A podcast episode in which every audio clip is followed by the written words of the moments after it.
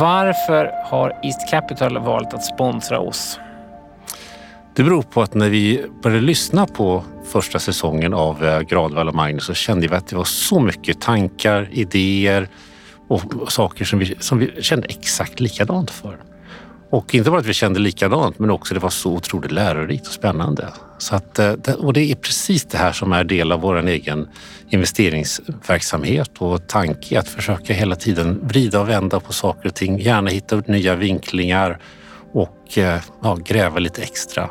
Och sen gärna den här kopplingen mellan allt, mellan kultur och affärer. Så att jag tyckte det bara kändes klockrent.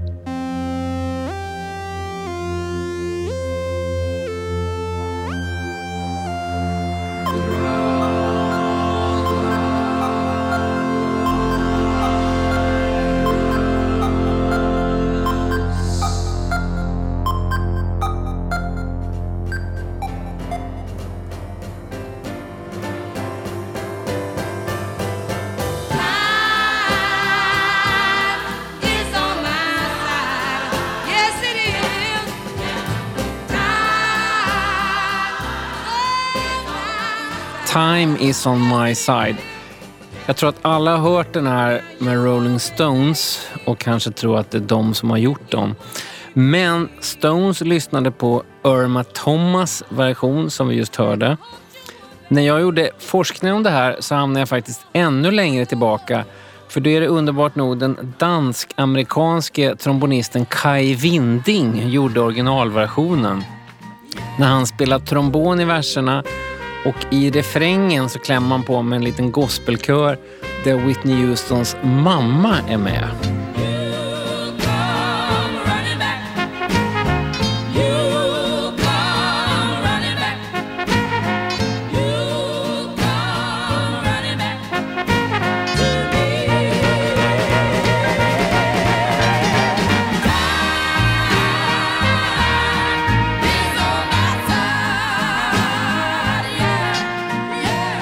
Men det är Irma Thomas version då som satte text på den och sen Stones gjorde. Och Time is on my side, inte bara en fantastisk låt utan det är faktiskt vad det här avsnittet handlar om. Det här är avsnitt fyra av Gradvall och Magnus. Det heter När och det handlar om timing, vikten av timing. När man gör någonting. Det kan handla om någonting du skapar, när du släpper någonting du har skapat eller andra aspekter av det som är enormt viktigt för oss människor, nämligen tid.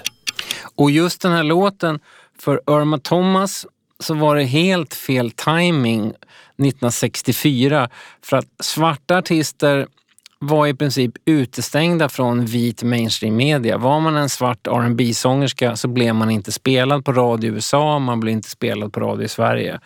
Så för henne var det fel timing medan Stones blev ju verkligen spelade för de passade in. Däremot om Irma Thomas hade gjort det här nu, om hon hade varit en artist på 2010-talet, 2020-talet, då hade det varit perfekt för att nu domineras ju musiken av svarta artister, typ Irma Thomas, att hiphop är den största formen av populärmusik. Och det finns något väldigt intressant i det här. Dels är tid världens mest rättvist fördelade resurs. Det spelar ingen roll om man är purfattig eller miljardär. Dygnet har 24 timmar för oss båda.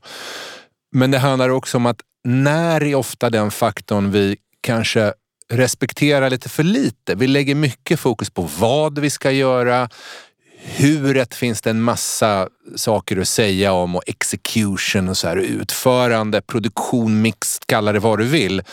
Men när kan vara skillnaden mellan fiasko och framgång? Och när är helt avgörande vad det gäller humor till exempel. Jag kan älska att kolla på såna här amerikanska sitcoms, inte de kanske mest creddiga då, Seinfeld och vänner, utan faktiskt till och med Everybody Loves Raymond. För de är så otroligt proffsiga de skådisarna. De har gjort sina 10 000 timmar på liksom bar i New Jersey så de vet exakt när replikerna ska sättas. De kan vänta in publiken, studiopubliken eller livepubliken och sätta det exakt så. Men samtidigt är det en liten klyscha att när i humor att det bara handlar om pauser och så. För det gjordes en undersökning på Texas University 2011 om hur viktigt är det här med liksom timing i humor egentligen? Och då kom de fram till att egentligen är det ganska överskattat det här med att sätta det på tiondelen som man tror. Timingen består snarare om att man måste ha målat upp scenen korrekt först. Så att lyssnaren förstår var man är och sen kommer då skämtet som något överraskande. And so the, moth, the, the doctor says, Moth, man, you're troubled. But you should be seeing a psychiatrist. Why on earth did you come here? And then the moth said, because the light was on. Så det handlar om timing men på ett mer komplext sätt. Det gäller att överraska lyssnaren i rätt ögonblick. Det är en konstform, inte en vetenskap. Det pratar man ju ofta om i journalistiken. När du släpper en nyhet är det viktiga. Det vet alla som har jobbat på redaktioner. Äh, men det här håller vi på till i eftermiddag eller det här gör vi så eller så följer vi upp. När du släpper elementen i storyn kan vara helt avgörande för om den lyfter och får vingar eller om den bara tappas bort i bruset. Influencers nu säger att om man ska lägga ut det första inlägget redan typ klockan 6-7 för att när folk kollar på morgonflödet då dyker det här upp. I den dimensionen. Tid är också hela råmaterialet i den konstform, inte vetenskap, jag har hållit på med i 20 år, nämligen futurologi. Så fort vi pratar framtid så händer ju någonting spännande. Säger jag mjölk, framtidens mjölk. Vänta här nu, det här låter spännande. Här gör vi ju någonting väldigt intressant med tiden. För vi, det finns någon slags överenskommelse när vi pratar framtid att det måste ligga lite längre fram. Om jag bjuder in dig till ett seminarium som heter Framtidens banktjänster, då är det underförstått att det är inte nästa onsdag vi pratar om.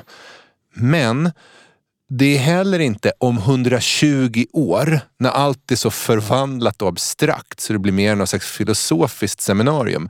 Det är underförstått att det ska ligga i något slags mellanläge. Mellan långt bort och nästa onsdag gömmer sig framtiden i det här. Och det är så vi människor ofta jobbar med tid. Vi kan ju i vårt huvud både komprimera den, Alltså väldigt många säger ju att jag minns absolut ingenting av de senaste veckorna. Allt har sett likadant ut. Men vi kan också dra ut den. Det vet man ju när folk har pratat om hur var det att vara med om en bilolycka? Tiden gick plötsligt långsammare. Jag såg allt som i slow motion. Och det är inte för att tiden själv saktade ner, det är för att hjärnan och ditt minne samverkar för att, så att säga, kavla ut tiden här och låta den ta mycket längre tid.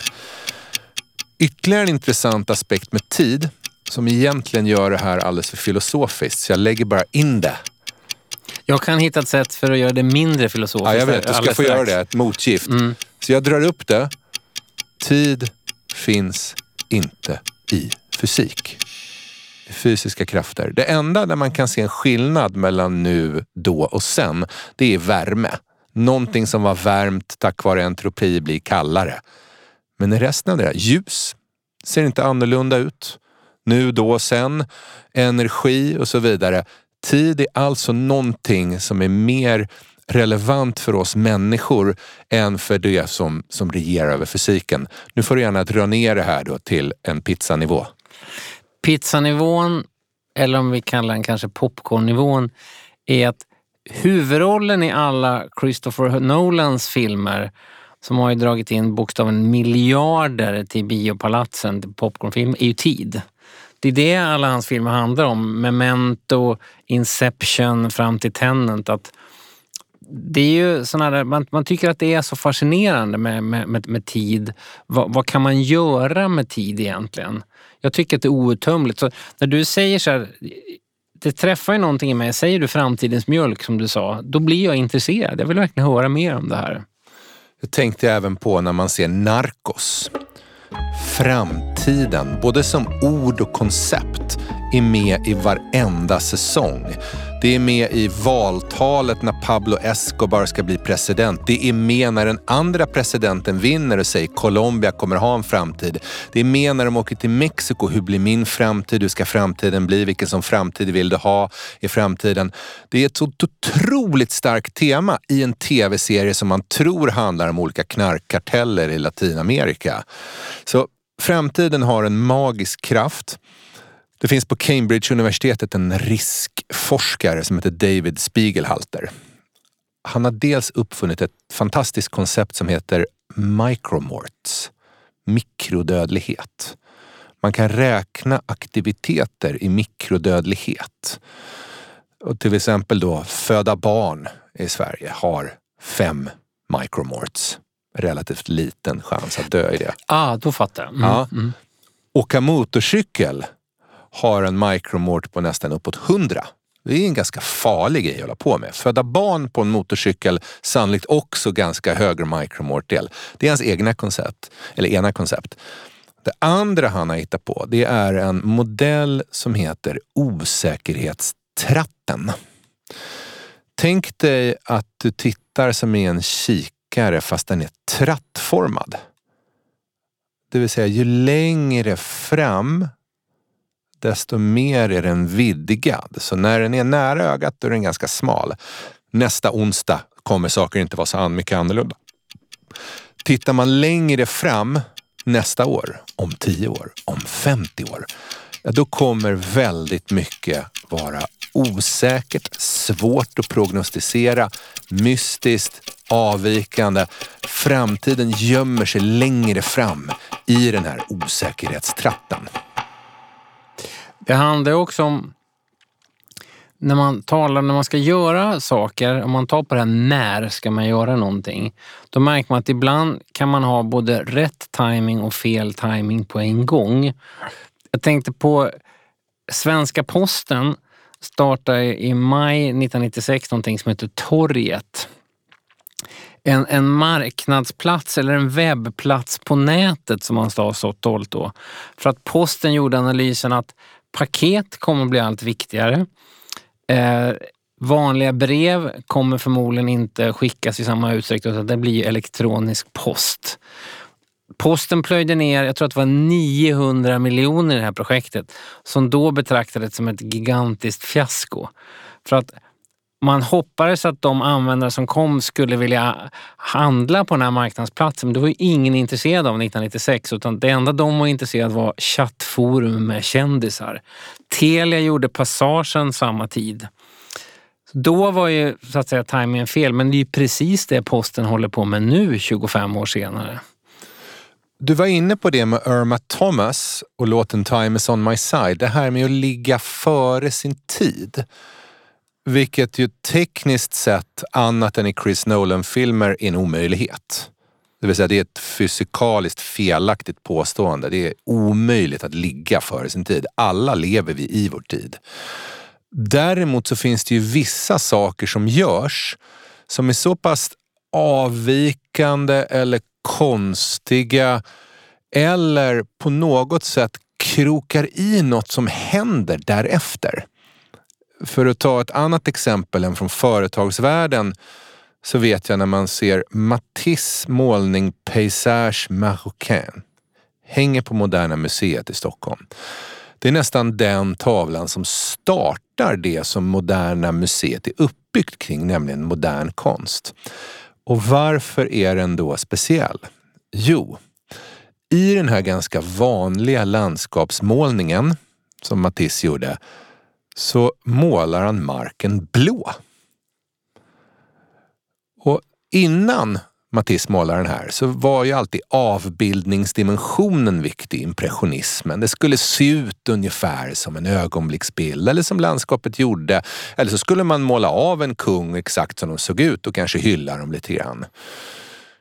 Men 1900-talet kommer ju att präglas av konsten som någonting helt annat. Inte en avbildningsmekanism eller någonting dekorativt. Nej, för det blev ju ointressant för att fotografiet hade ju kommit. Exakt. Så dels så måste du konkurrera med fotografiet och sen så kommer det ju strömningar med individualismen och drömtydning och politiken som svek och blev både till diktaturer och världskrig och allting. Och någonstans där då så blir ju Matisse sätt att måla marken blå för det var så han såg den eller upplevde den. Det var ett personligt perspektiv. Det kanske till och med var ett statement. Blir så otroligt viktigt i decennierna som komma skall. Även om det sannolikt när den målades både var fult, odugligt, konstigt. Och det är ofta det vi menar med det här att ligga före sin tid. Det som, det som är lite avvikande, plöja ner 900 miljoner i en gigantisk webbplats eller måla marken blå att det kanske dröjer några år innan omvärlden förstår och kan uppskatta det och se någonting annat i det. Ja, innan omvärlden förstår att time is on my side, så att säga. Yes it is, yes it is, som Irma Thomas sjunger. Jag tänkte just om man backar till då torget, den här väldigt dyra satsningen. Om man låg exakt rätt i tiden då, yrkesmässigt, så var det ju liksom webbdesigner som man skulle vara. För att ingen visste riktigt hur man gjorde, hur lång tid det tog, så att du kunde tjäna väldigt mycket pengar på att göra hemsidor. Alla behövde en hemsida över en natt. Eh, så det var ju det perfekta yrket. Sen har ju det fortsatt att det perfekta yrket var ju länge då en app. Alla helt företag skulle ha appar. Kexet som vi pratade om i förra avsnittet, Kexet skulle ha en app. Nu är det ju, man märker TikTok väldigt mycket att alla känner att vi kan inte TikTok, vi måste vara med i den här världen. Så är man då en 21-åring som kan TikTok så är man verkligen exakt rätt i tiden yrkesmässigt. Men det bygger ju på att man anskaffar sig kunskaper för några år sedan så man kan möta det. Det är ju ofta det förrädiska när folk säger här är framtidens yrken. Det är väldigt sällan framtidens yrken. Det handlar snarare om att eh, de beskriver vad folk behövde just nu. Framtidens yrken, siare är ofta som, som barn. När man frågar en femåring, vad vill du bli när du blir stor? Så svarar de ju på frågan, vad vill jag bli just nu? Brandman, astronaut, eh, kakbagare och liknande. Tillbaka till eh, försöka kombinera perspektiven här, att vara före sin tid eller på precis rätt tid. Det finns ett, ett eh, ursprungsamerikanskt ordspråk, de vi förr lite slarvigt kallade för indianer, som lyder som följer. Never mistake a clear view for a short distance. Missta aldrig klar sikt för kort avstånd. Det kan alltså vara ganska uppenbart för dig vad saker är på väg, vad som ska hända.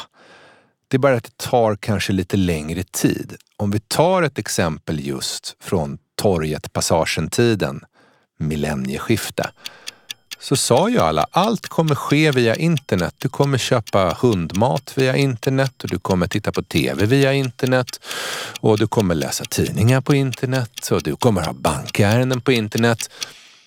Men det enda konsekvensen man gjorde då var, ja men då får väl djurmatsföretag börja sälja på internet och så kanske man läser Dagens Nyheter online.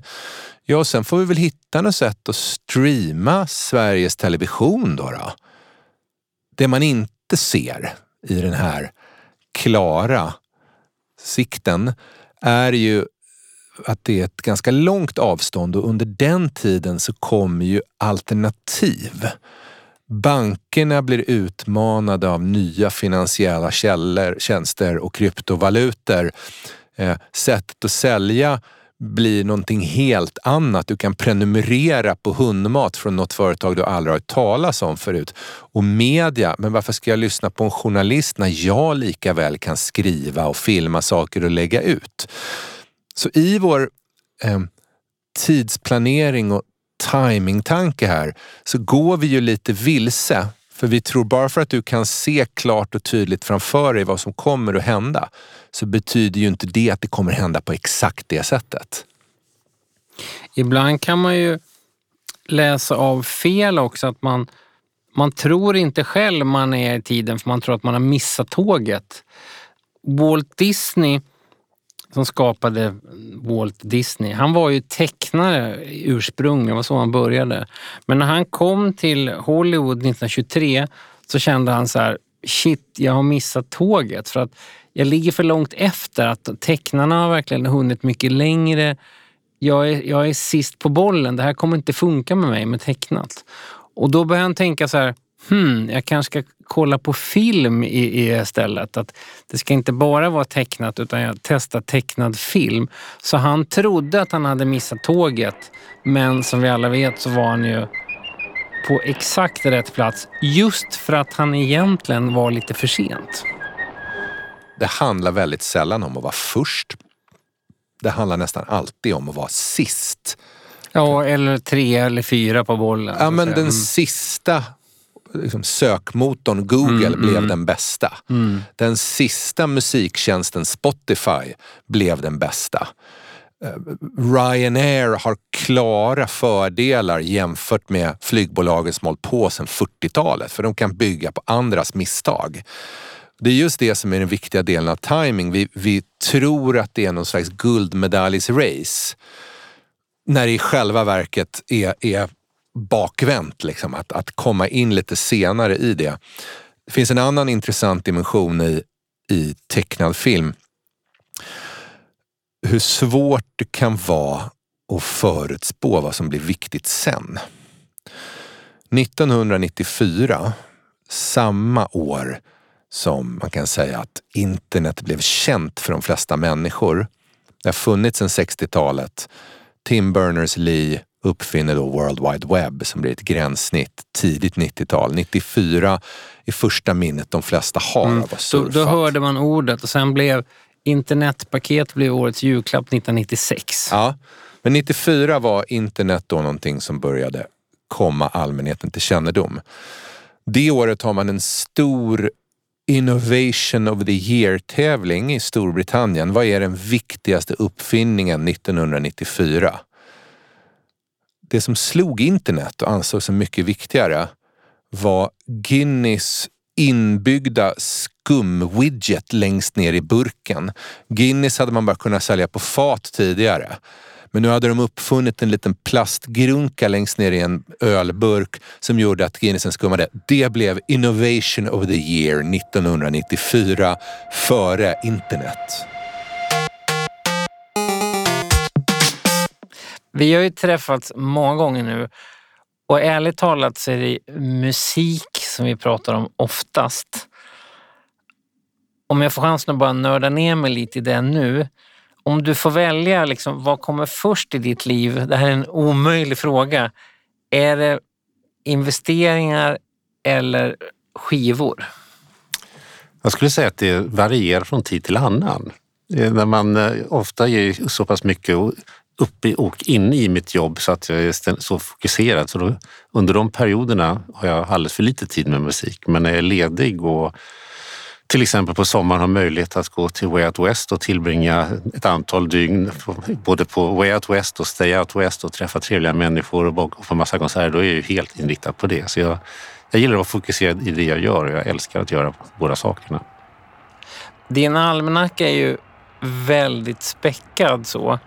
Och ändå så ger du tid varje år att du, du åker just till Way Out West. Och du går omkring där i dina gummistövlar och ser otroligt mycket band och artister. Jag får alltid känslan att du ser fler band och artister än, än vad jag hinner göra. Men får du ut någonting av det som du också kan använda i yrket? Ja, det tycker jag. Jag tycker att det handlar rätt mycket om eh, det här, du träffar spännande personer Eh, som du typ, eh, man stöter på som man eh, ofta gillar. Och gillar man musik på något sätt så tycker jag ofta det säger någonting positivt om människor. Jag vet inte varför, men jag har alltid haft den, den känslan att om man är öppen och tar till sig kultur också så är det extra positivt. Och många av de bästa kontakterna jag har i till exempel i Östeuropa och sånt har jag ju varit sådana som har delat mitt musikintresse som vi har pratat om annat än bara affärer med. Och det är ofta det du skapar en, en bredare och djupare relation på. Tack Peter. Vi tror ju ofta att framtiden ligger framför oss, spännande, vi kan påverka, vi kan förutspå. Det förflutna, om vi inte bor någonstans på Balkan, kanske inte så mycket att träta om. Men det vi ofta glömmer bort då är att nuet är ju fruktansvärt svårt att förutspå. Det är väldigt svårt och man plockar alltid poäng genom att påstå att någonting dåligt kommer hända. Det finns en sorts pessimism ju mer gångbar medial än vad optimism är. För att är du optimist så framstår du som lite så glad och naiv. Är du pessimist så framstår du som lite smart. Jag har en jätteintressant intervju med Ian McEwan, engelska författaren nyligen som intervjuades av Simon Sharma som är också en sån här briljant engelsk intellektuell. Och då tyckte Ian McEwan att de år han har kvar som författare är hans plikt att vara optimistisk om världen trots att alla tecken tyder på motsatsen. För han menar på att det är nästan en sån intellektuell sjuka att man ska vara pessimist för vad som ska hända. För det är det säkra kortet. Det kommer ta det längst. Optimisterna har det ju mycket svårare. Och ett exempel som du tipsade mig om det är den här Simon and Ehrlich Wager, den här vadslagningen som jag tyckte var väldigt intressant. Kan du berätta lite om den? Ja, men det är ett ganska berömt experiment som gjordes 1980. 1980 så bestämde sig en businessprofessor som heter Julian Simon att göra en vadslagning med en biolog som heter Paul Ehrlich. Lite kontext där. Paul Ehrlich hade ägnat 70-talet åt alarmism. Allt är på väg käpprätt åt helvete. Och en väldigt vanlig föreställning på just 70-talet var att vi skulle få slut på saker. Peak oil föddes där, att oljan kommer ta slut. Oljan som för oss är så otroligt viktig, håller, vi håller på att göra slut på det överallt. Det var en väldigt stor och vanlig föreställning. Eh, Julian Simon sa, jag tror inte vi kommer få slut på något. Någonsin. Möjligt att vi kommer få slut på saker där det finns störningar, typ statliga monopol. Men allting som är marknadsreglerat, det är inbyggt. Priserna går upp, priserna går ner. Och faktum är att jag tror att vi inom överskådlig framtid kommer få tillgång till mer så att priserna kommer gå ner. Paul Ehrlich och väldigt många andra tyckte att Julian Simon var dum i hela huvudet. Hade han inte fattat någonting? Var han någon slags förnekare och så vidare? Han blev hånad, han blev häcklad. Och då gjorde Julian Simon någonting väldigt, väldigt klokt något vi alla borde göra när vi pratar om framtiden, nämligen våga slå vad. Det finns en webbsida som heter longbets.org. Där kan man sätta pengar på saker man tror kommer hända om 5, 10, 15, 20 år. Så då sa Julian Simon, du får välja några råvaror. Paul Ehrlich. Ehm, jag tänker inte välja och jag slår vad om att alla kommer ligga lägre i pris om tio år och vi kommer inte få slut på någon av dem. Så Paul Ehrlich valde fem råvaror, ganska vanliga. Ja, men typ på nivå koppar och tenn och zink och liknande.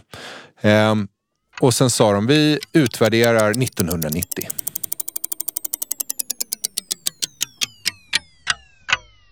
Tio år senare så har Julian Simon då fått rätt. Priserna hade droppat på alla de här, man hade inte fått slut på någonting. Paul Ehrlich fick fel. Och jag tror även att pengar betalades. Det gjorde det, jag kollade upp det. Han, han, han betalade faktiskt betalade. pengar. Det var inte jättemycket men det var en viktig symbolisk summa. Ja. Vad hände då, då? Blev Julian Simon hyllad som en klok profet i optimism och Paul Ehrlich hånad som den missriktade domedagsprofet han var? Nej, precis tvärtom. Julian Simon i princip ignorerad av alla överallt. Paul Ehrlich upplyft som profet, klarsynt, vågade se problem. Vi kan ju bara ta en av Paul Ehrlichs sianden från 70-talet, att vi skulle få slut på olja. Idag har vi ju själva avskaffat oljan. Det är ingen som längre pratar om peak oil och vi kommer få slut på det. Vilket föranleder då OPEC-chefens berömda citat. Stenåldern tog inte slut för att vi fick slut på sten. Briljant ja. Så våga göra vadslagning. Du sa en annan intressant sak där med pessimism. Det är ju så att när man blir äldre så blir ju livets villkor ibland lite tydligare åldrande, krämpor, livets ändlighet. Så det finns en naturlig pessimism inbyggd där. Livet ska ju ändå ta slut. Det är därför äldre människor, framförallt kanske ibland äldre män, säger saker som det är sent på jorden, allt kommer gå under. Det är ungefär lite som ett så rockband som slår sönder sina instrument för att gå av scen. De behöver ju ändå inte vara där och städa, de ska ju snart dö. Exakt det där talade faktiskt Ian McEwan och Simon Scham om i den här intervjun, att man har en tendens och, och när man vet att man ska dö snart så vill man ta med sig hela världen i graven. Då vill man att allt ska gå under. Och lyssnar man på äldre visa, det kan vara äldre visa kvinnor, kanske ännu mer äldre visa män, så har man ofta såna här domedagsprofetior. Tittar man generellt om man läser kultursidor i Sverige, eh, om man räknar antalet texter som förutser att något kommer gå åt helvete jämfört med texter som säger att det kommer nog ordna sig ganska bra, så märker man ju det är säkert 90 procent. För det finns en större intresse, det finns synes en större marknad för att säga att det går åt helvete. Därmed inte sagt att man ska underskatta saker som klimathotet och sånt. Men den här nästan som du pliktskyldigt lägger till i det här. Jag måste bara gå tillbaka till en, en dimension vi säger här därför att det finns ju en cynism i att inte vilja sätta sig in i nuet och världen som den fungerar nu eller ha tilltro till människors förmåga att skapa och lösa problem. Och med åldern så blir ju det, vi pratade tidigare idag om TikTok, och det blir ju så lätt för en person i min bara det där TikTok, det förstår jag inte vad det är för någonting. Jag vill ha ett svar direkt. Nu vill jag ha ett svar. Jag blir så jävla arg på all sån här jävla skit jämt. Dyrare och dyrare blir allting och sämre och sämre och sämre och sämre. Det är ju ingen kvalitet på någonting. Det går inte att höra på TV, det går inte att se på honom, det går inte att lyssna på radio, det går ingenting. Det är bara fel och fel. Allt det jävla felen och höjda avgifter i ett kör. Lägg av med det här och försök att skit i alla de här nymodigheterna. Försök att få det som har varit gammalt att fungera först innan ni ger er in på alla de här jävla internethelvetena och jävla skiten och tekniken hit och sms dit och jävla skit hit och dit. Det blir man med åldern så blir omvärlden mer av ett hot. Och framförallt den kanske mest cyniska delen att människor är liksom offer för omständigheter när världshistorien vittnar om något annat. Vi är ett problemlösande släkte. Vi skapar problem, ofta hos oss själva. Vi identifierar problem och vi är fantastiskt duktiga på att lösa dem. Däremot, som vi pratade om i ett tidigare avsnitt, så är lösningarna sällan ovanifrån. Det var inte Statens kommunikationsinstitut som gav oss internet eller World Wide Web. Det kommer från individer, ibland ensamma, ibland i grupp, underifrån. Det finns liksom ett evolutionsbiologiskt perspektiv på uppfinningar. Jag tror precis det här menade Ian McEwan med det här ansvaret och liksom vara optimist. För att om man då bara sällar sig till den här undergångskören så kommer man inte uppmuntra till de där gräsrotsgrejerna. Folk som faktiskt kanske kommer på lösningen på något helt avgörande imorgon som vägrar ge upp. Och därför måste vi ju fucka upp synen på tid där lite. Därför att det finns ju någon slags tro då på att imorgon kommer saker se likadant ut.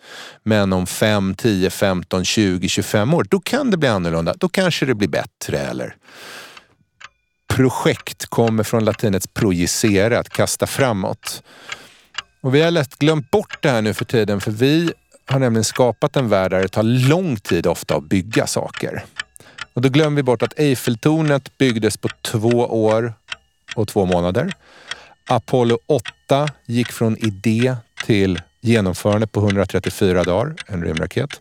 Disneyland i Kalifornien byggdes på ett år och en dag, 366 dagar, gick det från idé till att det stod plats.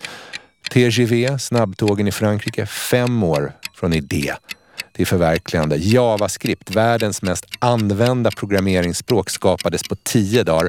iPoden, konceptet låg på ritbordet, alltså som bara en idé och en prototyp i januari 2001. Lanserades i november 2001, det är tio månader. Git, ett eh, sätt för datorprogrammerare att samverka med varandra, skapades på fyra dagar.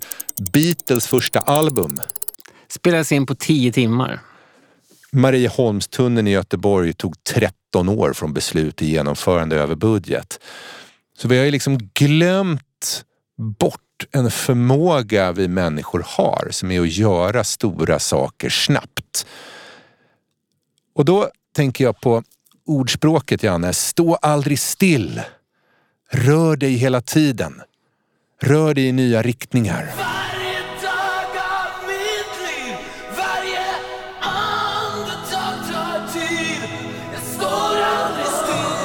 Ja, det finns ju en otroligt bra Thåström-låt som heter då Stå aldrig still, att man hela tiden ska röra sig. Men det kan ju också vara faktiskt ganska överskattat, den inställningen till tid. Istället då för att på ett nästan Nolan-sätt bara tänja ut tiden och vara i tiden. Jag tänker på Jan Johanssons album Jazz på svenska som i modern tid har vunnit de flesta omröstningar faktiskt på tidernas bästa album. Alla är ganska överens om att det här var unikt, man lyssnar på det fortfarande. Men Jan Johansson själv då, jazzpianisten, så fort han var klar med det så var han trött på det. Så att han började göra andra saker och spela mer avantgardistisk jazz. Han gjorde jazz på ryska och så vidare, så han ville ju gå vidare direkt. Han var inte kvar i det där alls. Och följaktligen så var det då publiken som kom till spelarna ville höra visa från Utanmyra. Men han ville inte spela dem för att han hade redan gått vidare. Och då kan man ju bara tycka, tänk om han faktiskt hade stått still ett tag. Tänk om han hade... Han kanske inte behövde göra Utanmyra merch, men om han åtminstone kunde bara vila i den här musiken, hämta hem all den kärlek som han fick. Men det gjorde han ju inte för han ville gå rätt vidare. Så att Jan Johansson dog i en bilolycka 37 år gammal. Och han hade precis spelat. Det var inte på Råsunda, det var inte på Konserthuset. Det var på Solna stadsbibliotek. I början av det här avsnittet så sa jag att i fysiken så finns inte tid. Men tid är ju bevisligen någonting som betyder väldigt mycket för oss människor. Vi lever våra liv efter den, vi styr våra kalendrar efter den, vi planerar efter den, vi siar om framtiden efter den. Det har att göra med att tid egentligen är ett mått på förruttnelse. Det handlar om saker som vittrar sönder. Det kan handla om genrer, idéer, människokroppar, maträtter, bäst före-datum och liknande. Vi har ibland pratat om det igen, att det som kanske ruttnar snabbast är attityd. Ingenting åldras så dåligt som att ha någon slags attityd och kaxighet. Det ser otroligt löjligt ut med några år. Men jag tänker jag ska försöka slå ihop det här med det du just sa. Att våga stå still. En av mina mest framgångsrika vänner. Jag tänker inte så mycket egentligen på huruvida vänner är framgångsrika eller inte. Men just den här personen måste jag lyfta fram. För han har lyckats i entreprenörskap, byggt upp ett företag som han sålde, fick massa pengar. Han har lyckats i musiken och musikbranschen som popartist och han är på väg att skapa sig ett namn inom konst och måleri. Så det är en person som verkligen har, som man säger, många strängar på sin lyra. Väldigt, väldigt begåvad. Han sa något väldigt intressant som jag har försökt marinera. Han sa så här. För mig var strävande centrala väldigt länge. Att sträva efter något. För jag inbillade mig att där borta någonstans så låg någonting jag ville ha. Om jag bara når dit, då kommer lyckan, lugnet, harmonin. Då, då kommer jag hem. Och som alla då förstår, som också har befunnit sig och kanske befinner sig i det, man kommer aldrig dit. Du trodde att om du säljer företaget med vinst, då, nej. Om jag får ge ut en skiva, ja då, ja, nej. Om jag säljer 10 000 exemplar, då, nej. Så då byggde han om hela lycko och harmoniformen för sig själv och insåg att nej, det är motsatsen till strävan. Det är att bygga lyckan i nuet. Att varje dag fråga mig själv, vad, vad gjorde jag idag? Eller vad kändes? Vad blev liksom lite bättre idag? Så det handlar kanske inte bara här om jazzartister som borde stå still, utan det kanske är någon uppmaning till alla oss att, att sluta ha en övertro på morgondagen. Du nämnde Walt Disney. Hans, hans bror Roy sa ju så här om Walt Disney. Han var alltid orolig men ständigt entusiastisk. Morgondagen skulle alltid lösa alla hans problem. Men vi kanske måste se det som att nej, men det är idag. Och det är här. Och det är nu. Time is on your side.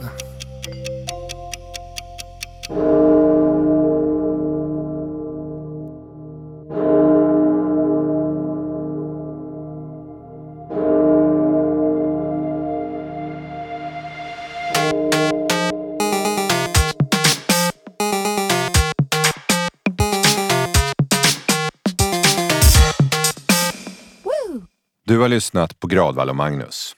Inspelningsstudion var A1. Ljudtekniken hette Jonas Sjöberg. Formgivaren Nina Ulmaja. Ett stort tack till vår sponsor East Capital. Och du, glöm inte att köpa vår bok Kreativ friktion som finns ute nu på Volante förlag.